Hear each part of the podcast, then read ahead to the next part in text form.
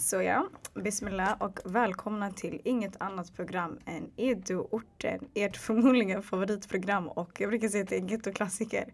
Men ni lyssnar som vanligt på alla poddplattformar där man kan lyssna på. Det är iTunes, Spotify, det är på Soundcloud. Eller så hittar ni oss enklast på www.eduorten.se.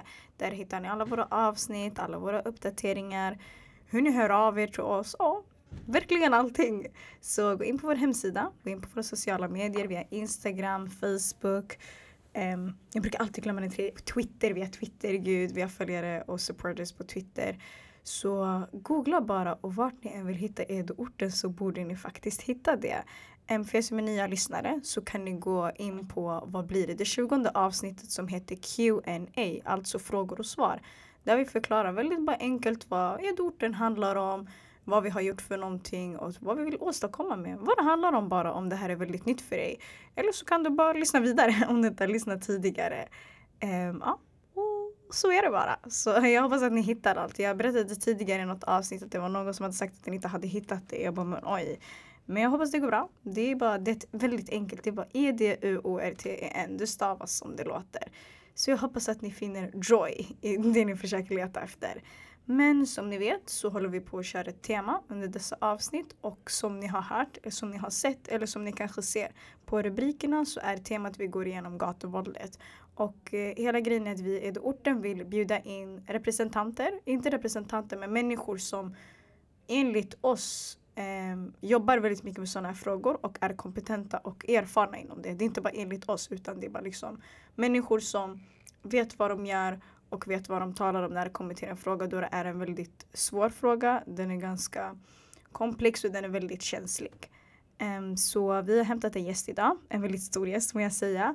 Någon som jag känner till sedan tidigare, har sett och lyssnat på väldigt mycket. Eh, någon som syns i mediala rum, tack gud. Och eh, symboliserar väldigt mycket så här, bara mod. Och eh, först och främst är det liksom så här medsyster om inget annat. Så jag vill att den här personen, den här personen kan alltid, jag säger alltid till mina gäster, jag kan presentera dem men jag känner bara att de ger en så mycket bättre presentation av sig själva. Men jag vill hälsa ingen annan än Carolina Sinisallo till Edeorten. Så en applåd. jag brukar alltid applådera in mina gäster. Hur mår du Carolina? Tack, det är bra. Det rullar på? Ja, det rullar på. Kul att se dig, kul att se dig. Vi fick till det till sist. Du vet, ja. brukar ibland vara lite så här fram och tillbaks och det är sms och det är samtal. Men det var, det var väldigt enkelt nå dig. Så det tackar ja. jag faktiskt för. Det uppskattas jättemycket. Mm. Så jag tänker att du kan presentera dig själv. Den normala rundan när man är här är namn, eh, namn, ålder, vilken ort man är ifrån eller bor i och sen vad man har för sysselsättning eller vilket initiativ man står bakom. Så presentera dig själv hur du vill. Ja, eh, jag heter Carolina som sagt, Carro nu för tiden. Jag är mamma till Robin och Alejandro. De blev skjutna 2016. Efter det så valde jag att lyfta den här frågan. För jag kände att våra barn, inte bara Robin utan alla våra barn som blir skjutna, mördade de blir bara siffror i statistiken. Och då bestämde jag mig att jag ska bli den här som lyfter upp frågan. Och det har jag gjort i tre år. Någonstans där i början startade jag en organisation, Fuck våldet. Som jag tyvärr förra veckan la ner. Mm, jag vet, så ja. vi kan gå in i det senare också ja. om du vill. Mm. Men med det har jag föreläst med Alejandro som överlevde. Ensam, jag har varit i media och jag försöker verkligen ge det här våldet ett ansikte. Jag förstår. Eh, om du skulle beskriva dig själv på något sätt Carolina, hur skulle du beskriva dig själv förutom då liksom så en mamma och den personen du är? Har du tidigare varit så ganska utåtriktad eller aktiv i sådana här initiativ eller blev det ganska nytt med med allt som hände?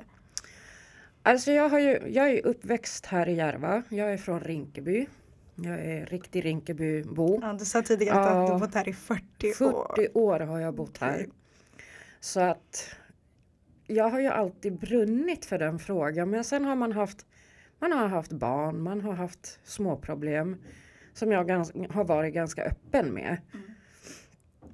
Men just ungdomar har jag ju brunnit för. Jag är barnskötare, jag är fritidsledare. Jag har ju inte hunnit jobba med det så mycket eftersom jag fick fyra barn så tätt inpå så jag har bara varit mamma. Men det är också något jättestort. Ja, det Och i är, sig, det är ett jobb. det är 24-7 jobb. Man får 100%. aldrig semester eller paus. Eh, sen när det här hände, vi hade precis faktiskt pratat med Robin om det här med killarna från Rinkeby som blev skjutna 2015. Han kände ju dem, eller vi kände alla dem. Och han började undra varför ingen gör någonting, varför ingen vuxen pratar om det här. Liksom, varför är det okej att ungar bara blir mördade hur som helst? Och då tyckte han att jag skulle göra någonting. För att sen några veckor senare sitter jag där själv, har råkat ut för det. Och då bestämde jag mig att jag ska göra som Robin vill. Jag ska lyfta de här killarna. Och föra frågan vidare. Ja.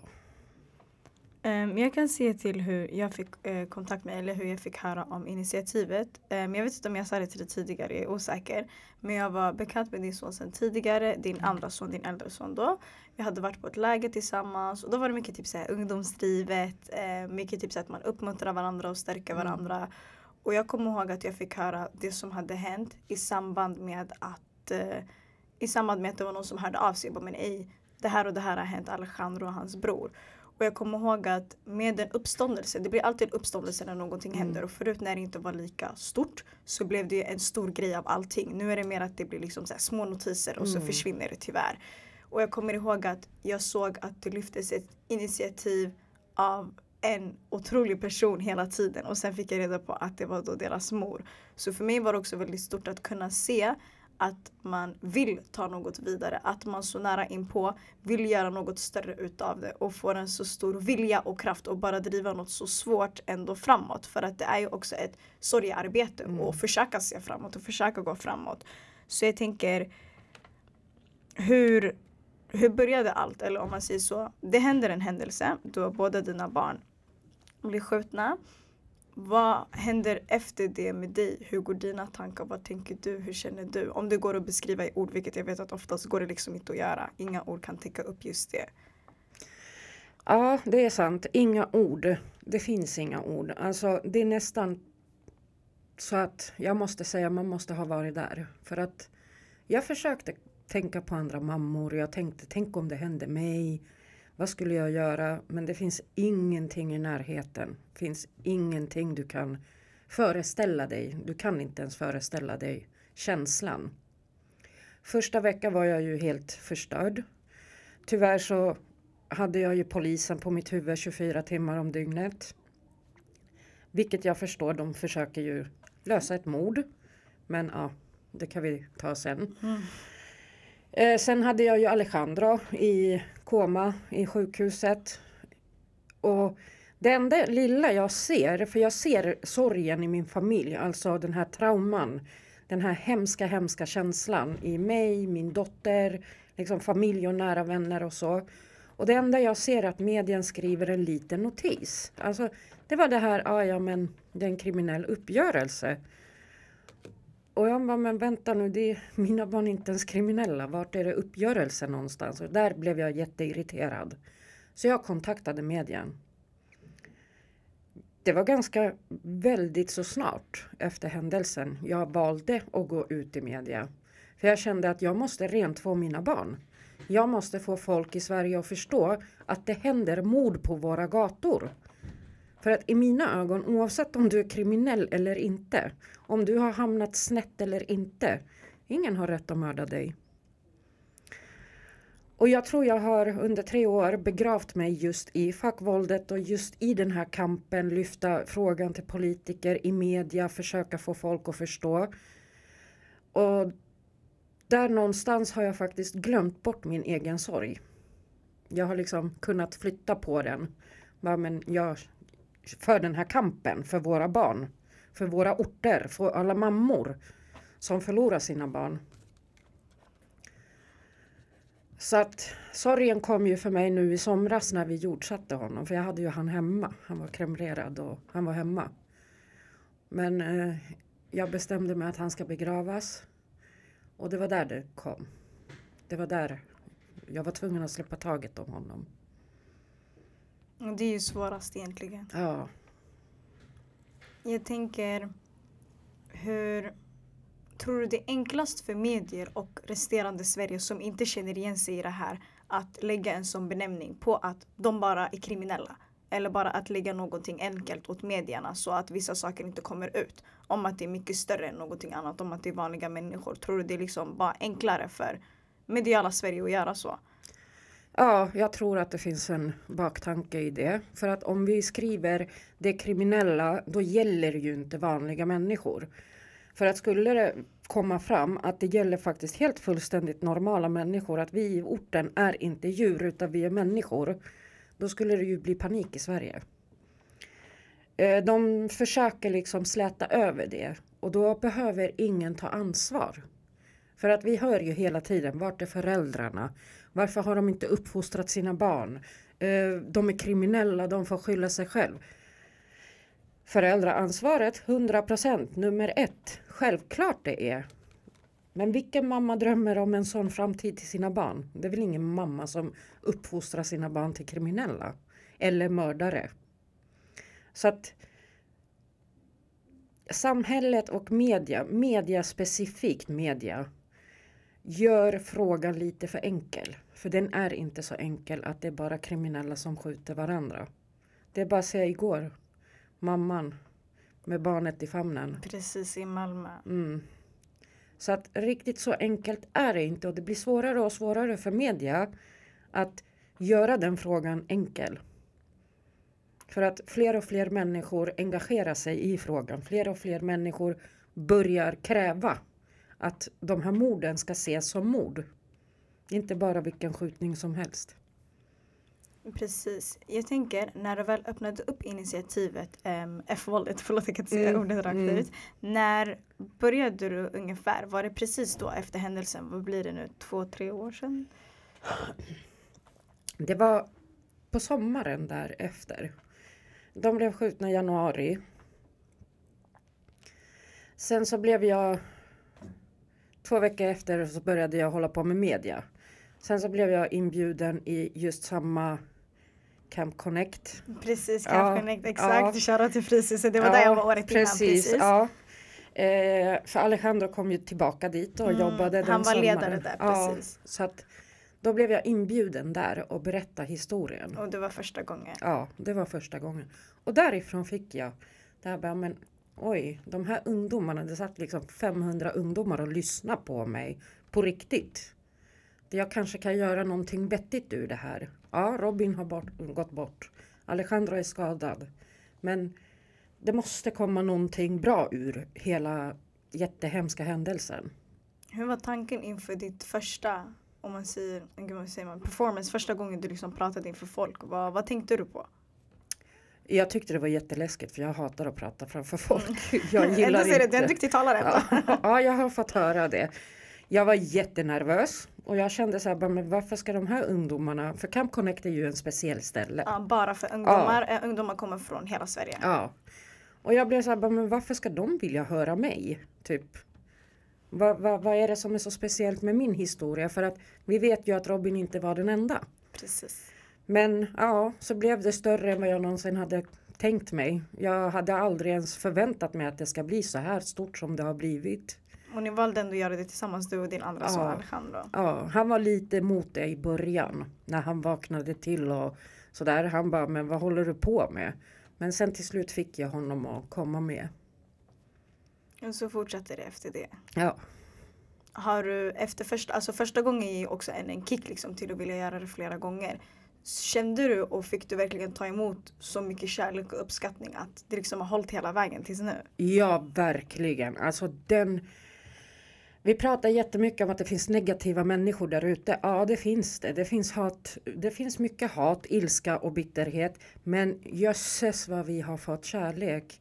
Och det är mest av ungdomar faktiskt. De kan skriva till mig på Instagram. De skriver till mig på Messenger. Jag får så här meddelande förfrågningar.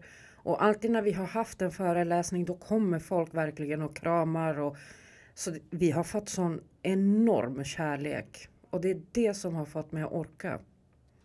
Vad är målet med, eller vad var målet, men också vad är målet med F-våldet och med det du gör kon, alltså kontinuerligt med det arbetet om att prata om gatuvåldet och prata om din son och alla andras barn som också går bort och blir skadade i det här? Målet är, jag har flera mål. Eh, det är att jag ska nå ut till de här människorna, 94 procent som inte bor i våra orter. Som bara rycker på axlarna när de läser en artikel. Det är att nå dem. För att vi kommer ingenstans, vi är bara 6 som bor i orterna. Så om inte vi får stöd utifrån.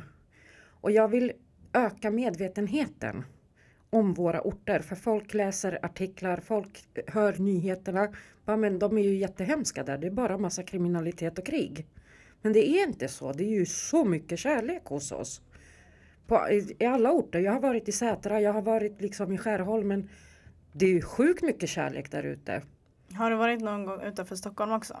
Ja, vi har varit i Malmö och samma sak där. Vi blev överösta med kärlek. Och det är liksom en sak. Och få ungdomarna att förstå att vi måste ta hand om varandra. Det där med skjutning, det är inte okej. Okay. För att ja, vi kan inte stoppa kriminalitet. Det kommer alltid finnas, det har alltid funnits. Men just det här morden, sluta skjut varandra. För att det är bröder som skjuter varandra. Det är barndomsvänner som, det går så långt. Sen andra målet är att politikerna ska börja ta den här frågan lite allvarligare än vad de gör. Eh, fler poliser, fler ordningsvakter, okej okay, vad hjälper det? Exakt. När skolresultaten är vad det är. Eh, det finns inte tillräckligt mycket resurser i skolorna, förskolorna. Alla fritidsgårdar stängs. Ungdomsgårdar stängs. Alltså, det är dubbelmoral från deras sida. 100 procent, 100 procent. Ehm, jag tänker du var inne på det lite tidigare. Men har du fått någon specifik uppstöttning statligt efter att det här har hänt? Um, något uppstöttning från polisen um, då man går igenom ett trauma eller har förlorat någon? Har du känt att det funnits någon uppstöttning från ett sånt håll? Nej. Det var bara attack, attack, attack. Vår familj blev uh, misstänkliggjorda. De än idag väntar på att vi ska säga någonting som ska lösa mordet, hokus pokus. För de kan inte göra sitt jobb. Tydligen. Ingen, socialtjänsten har inte brytt sig. Uh, det enda jag fick uh, stöd från där i början det var ju Fryshuset. Just för att Robin gick i Fryshuset, min mm. dotter har gått i Fryshuset, alla har ju jobbat där. Men annars har jag inte. Det har varit såna här privata organisationer, folket, människorna, civilsamhället.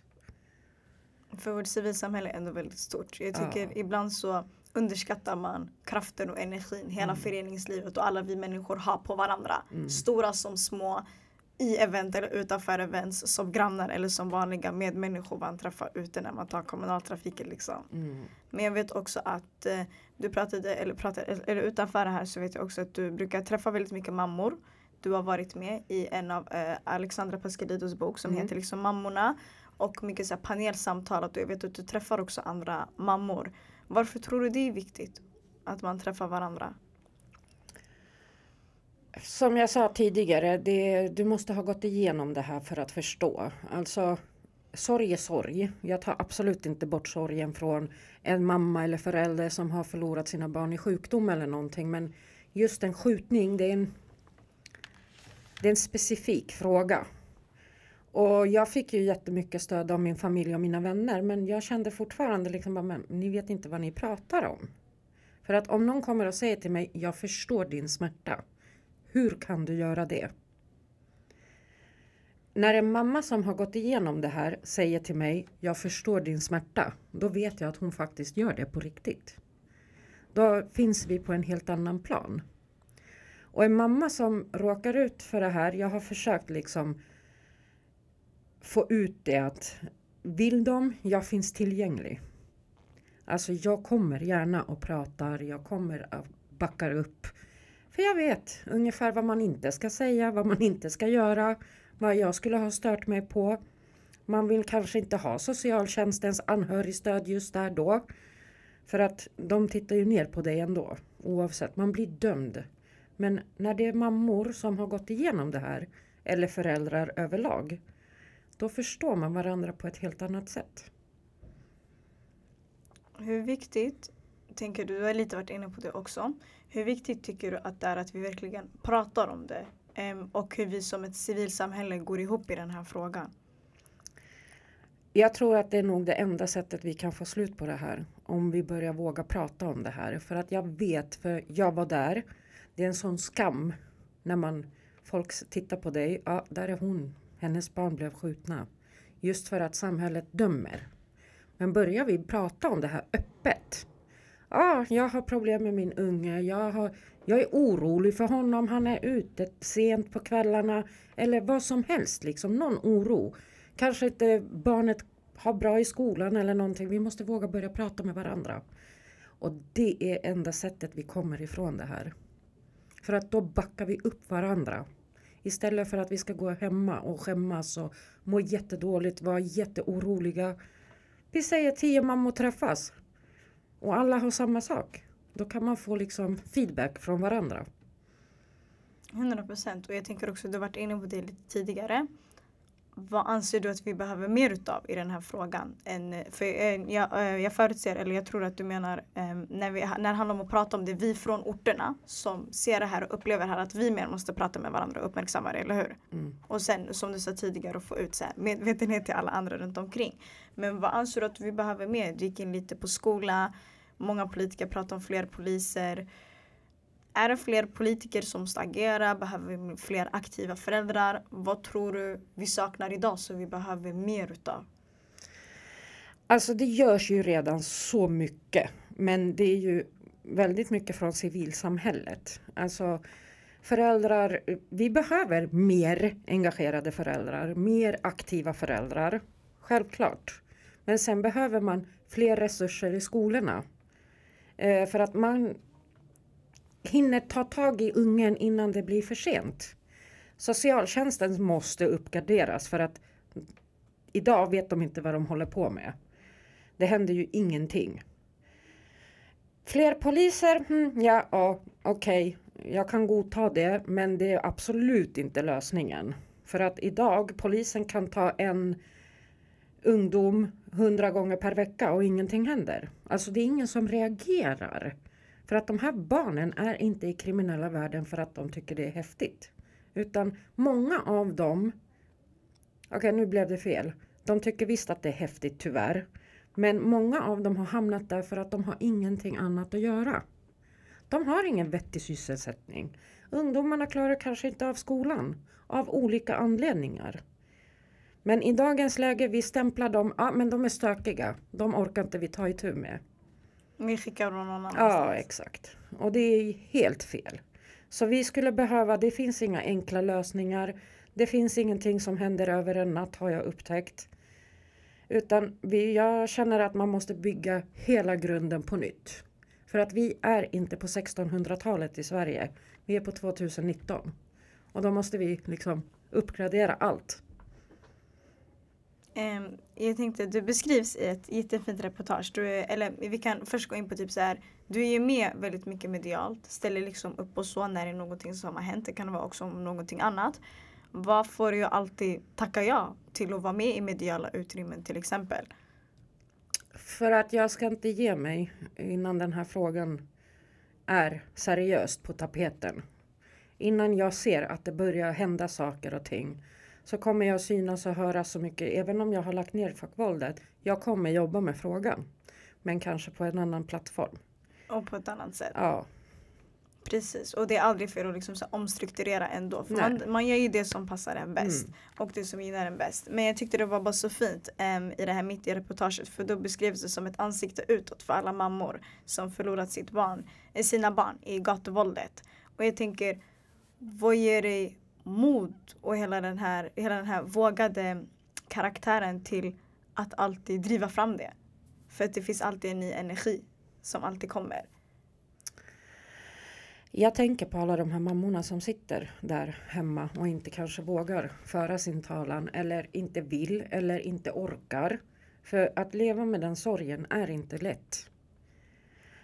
Jag vet inte riktigt, jag tror det är min familj och mina barn som har gett mig den här energin och jag ser på Alejandro hur han kämpar, han har blivit pappa, han jobbar. Mm. Efter allt det där så självklart jag måste ha styrka. Och jag måste ha styrka för min dotter och just mina andra barn. Och jag vill att de här mammorna och papporna och föräldrar, liksom anhöriga ska veta att det finns någon som bryr sig om dem där ute. För att jag bryr mig. Och jag bryr mig om varenda kille, varenda unge som har blivit skjuten. Jag bryr mig om deras namn, jag bryr mig om deras liv. Vad de var, vilka de var. För de var inte kriminella. Det var en person bakom. Det finns alltid en person bakom Mm. varje titel liksom. Oavsett vad som har hänt och oavsett vad det är. Varje artikel har en familj bakom, ett ansikte bakom.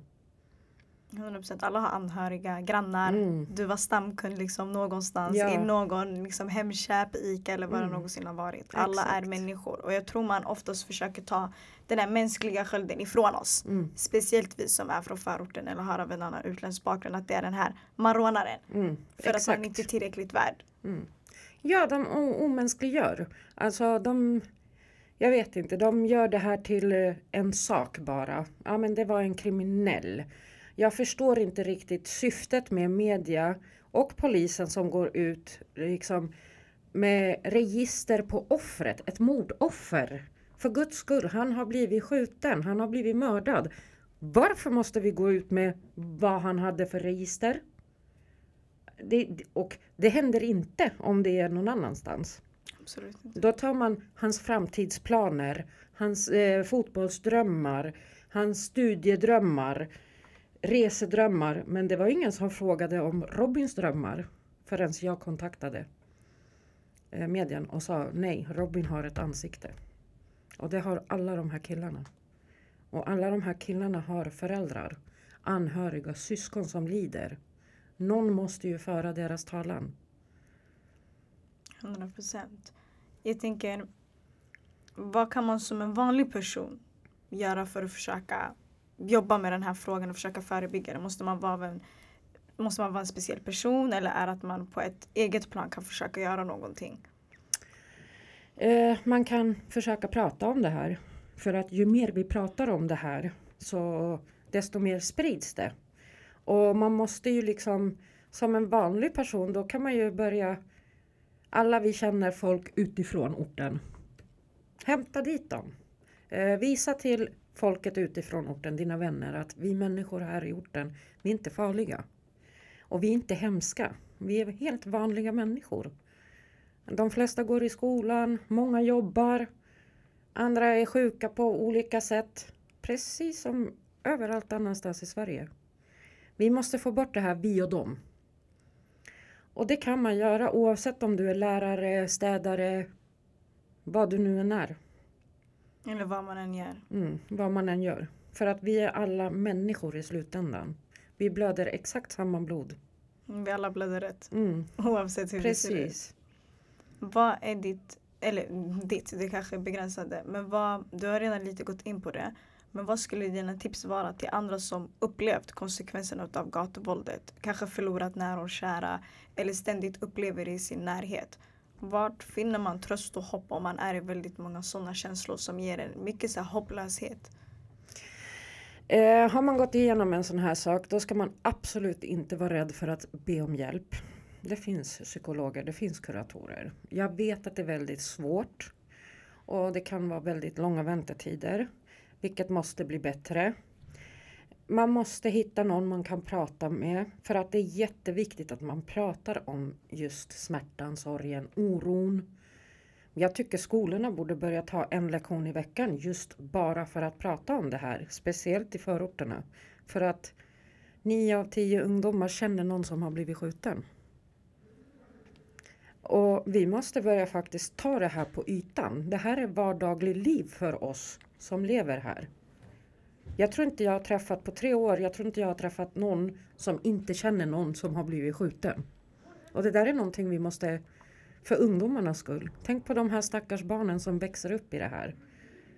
Ja, han blev bara skjuten sådär och ingen brydde sig. Vi måste börja våga prata om det på alla nivåer. I skolan, hemma. Vilket är jättejobbigt kanske hemma. Jag vet i början, jag vill inte prata om det här med min dotter. Jag sa nej, du får söka stöd någon annanstans. Men det finns kuratorer, psykologer. Var inte rädd att be om hjälp. Eller träffa någon som har gått igenom det här. Prata, liksom byt idéer, byt tankar. Sen måste vi försöka förstå den här hämndreaktionen som kommer. Det är en självklarhet att det kommer. Om det inte skulle komma då skulle det vara konstigt. Men där måste vi också få de här människorna att förstå. Hämnd är inte rätt väg. Och liksom ilskan. Det är inte bara sorg utan vi lever med ilska, vi lever med hat, bitterhet. Robins mördare springer runt fortfarande. Ingen vet vem det är. Så det är sådana komplexa frågor man måste ta i, liksom svåra grejer som man måste ta med de här familjerna, anhöriga, ungdomarna. Speciellt ungdomarna och barnen.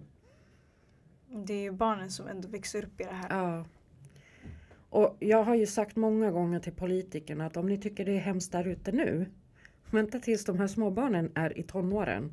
De växer upp i det här kalla, hemska världen vi lever i. De kommer vara så empatilösa om inte vi räddar dem. Vad, när du, du brukar ju prata ofta med politiker och så, eller prata och prata. Det, man möter ju upp, möter ju upp dem. Man ser ju dem eh, på olika tillfällen, eh, vid olika, beroende på eh, situation och så. Vad är det du tar med dig mest när du väl pratar med dem och säger till dem? Jag brukar tjata på dem att de måste öppna ögonen och ta den här frågan seriöst.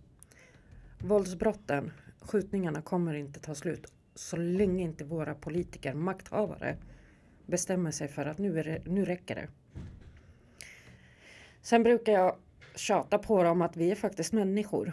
Sluta sätta in oss i en kategori där inte vi räknas i som eh, ett samhälle i Sverige.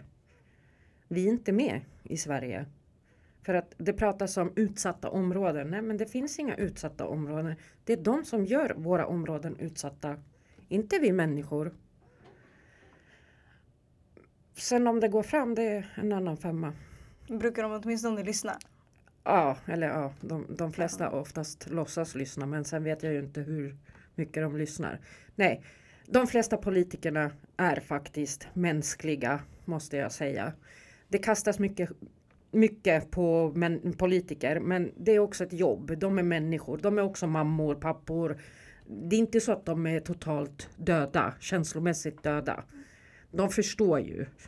Eh, politik, politiken är inte så enkel som vi oftast tror att det är. Mm. Utan det är inte bara så att nu är det Socialdemokraterna som bestämmer och då får de bestämma hur de vill. Det funkar inte så. Jag förstod inte heller politik innan det här. Mm. Så nu har jag lärt mig jättemycket. Sen har jag försökt få dem att förstå att de måste förenkla språket i politiken så att vi människor, normala människor, förstår. Då kanske vi blir mer engagerade. För att när man lyssnar på en politiker då fattar man ju ingenting. För de pratar så svår språk. Ni kan förstå det. Vad har du under de här senaste tre åren tagit med dig mest från allt det här arbetet och allt det har drivits speciellt kring att prata om det här? Vad är det mesta du har tagit med dig som du kanske inte har haft sedan tidigare? Hur sjukt mycket kärlek det finns här. Och hur, hur engagerade ungdomar vi har. Och varför syns de inte? Varför syns bara de där tio stycken grabbarna som står i centrum? Varför syns inte de resterande tusentals ungdomarna som verkligen försöker, kämpar, sprider kärlek, gör event. Gud vet vad alla ungdomar här håller på med. Alltså det är så sjukt. Men det där är saker som inte syns. Tyvärr. För jag skulle vilja att det syns mer. Alla sådana här, som till exempel Eduorten. Det är så mycket bra saker som händer. Och det såg man ju inte förut på samma sätt som jag gör idag. Och det är så synd för att man ska inte behöva vara involverad i något specifikt bara för att kunna se något så stort och så mm. öppet och något som verkligen driver någonting framåt och har så mycket kärlek. För det mesta här ute är kärlek. Det mesta ja. här ute är optimism liksom. Verkligen. Och det är ju det vi alla har växt upp med oavsett vad ja. som händer, hur det har hänt. Ja, den här negativa bilden som man får när man läser tidningar, när man tittar på nyheter, när man lyssnar på de, några stycken som pratar om orten och jag blir såhär, men ja, det är mycket negativt i orten. Självklart det är det. Det är, inte, det är ju ingen som säger nej till det. Men kan vi lyfta upp det positiva? Typ alla ungdomar som håller på. Det, det kryllar ju med talanger och talangshower och gud vet vilka event som helst. Men det är ingen som, media vill inte ta det för det säljer inte. Som, lika mycket som en skjutning. Tyvärr. Jag förstår det. Men jag tycker att du ser väldigt mycket framåt, vilket ger en mycket hopp. Ehm, jag tror väldigt många där ute försöker se framåt och försöker vara människor som driver optimism och positivitet oavsett vad som händer. Man vill bara att allt ska lösa sig. Man vill alltid att saker ska lösa sig men det är inte riktigt så det alltid utspelar sig. Men jag tänker, vad skulle ditt tips vara till de som lyssnar? Eh, som du lärt dig genom ditt arbete? Eller vad skulle ditt generella tips vara vid pratandet om det här? Till dem, vi är ju mest unga lyssnare, men generellt, oj det blir ganska stort. Men till alla som lyssnar, vad skulle du bara vilja säga och få ut så resten liksom så kan förstå och få in? Ge inte upp hoppet och se ditt eget värde. Vad folk utifrån säger, vad medien skriver. Tro inte på det. För att ser man ditt, sitt eget värde, då pluggar man. Det är kämpigt ett tag, men det är så värt det. Och ge för guds skull inte upp hoppet. För att det finns hopp för alla, oavsett om du kommer från Östermalm eller Rinkeby. Alla vi kan komma någonstans i livet. Och sprid kärlek.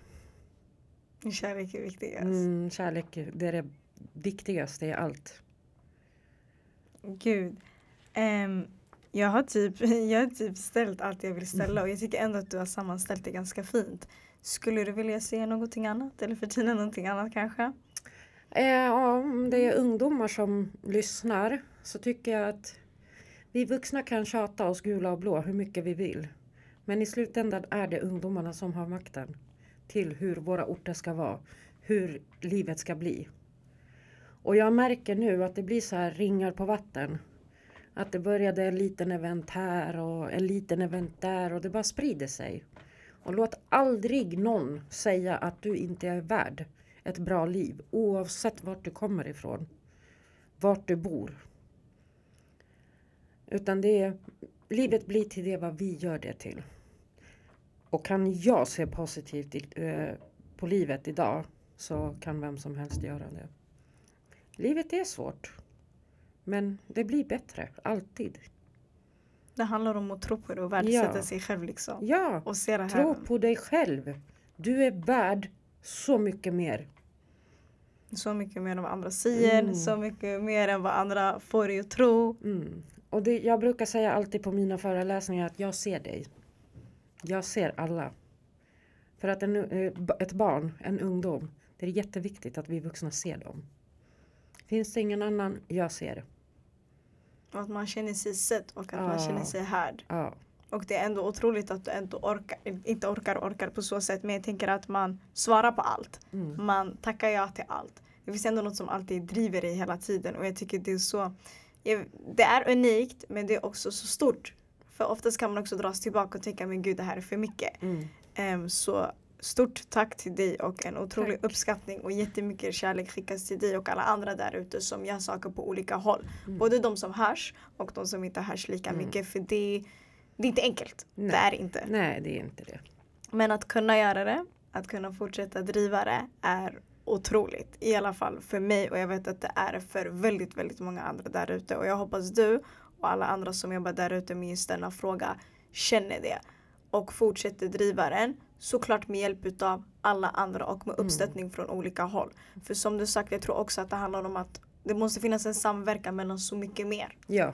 Det är inte bara något enkelt som man går vidare med och Nej. that's it. Nej, alla måste samverka med varandra. För att det, är ingen, det här är ingenting som civilsamhället ensam kan lösa. Men det är inte heller någonting som bara politikerna kan lösa. Eller socialtjänsten. Alla måste samarbeta från alla håll. Så att det, men det går, det går, det går. Det, och går. det kommer bli bättre. Det är det viktigaste. Mm. Um, jag vill tacka dig jättemycket för Tack din medverkan. Tack för att jag fick komma. Absolut, absolut. Det var otroligt fint att ha dig här. Som vanligt, ni vet vart ni lyssnar på det här avsnittet. Typ på iTunes, Soundcloud, Spotify, W, jag vet inte ens om man använder W nu, men www.eduorten.se. Och där hittar ni allting. Jag kommer tagga Carolina. Um, och om man fortfarande, kan man fortfarande DMa F-våldet eller är det bara då att Nej. Nej, det är aktiverat. Ta bara mig Okej, okay, men då så. Då um, taggar jag bara henne privat. Um, så kan ni sitta och höra av er till henne om det skulle vara någonting. Eller så har ni vår mailadress kontakt eduorten.se om det skulle vara någonting. Mm. Tack så mycket. Tack, tack. Ni får ha det så bra och som Carolina sa, tappa inte hoppet. Det finns alltid hopp oavsett vad. Carolina är ett exempel på det och väldigt, väldigt många andra där ute. Ta inspiration och hopp där ni kan få det så kommer allt förhoppningsvis att gå bra. Eller åtminstone gå. Det är det viktigaste. Så ni får ha det bra. Peace!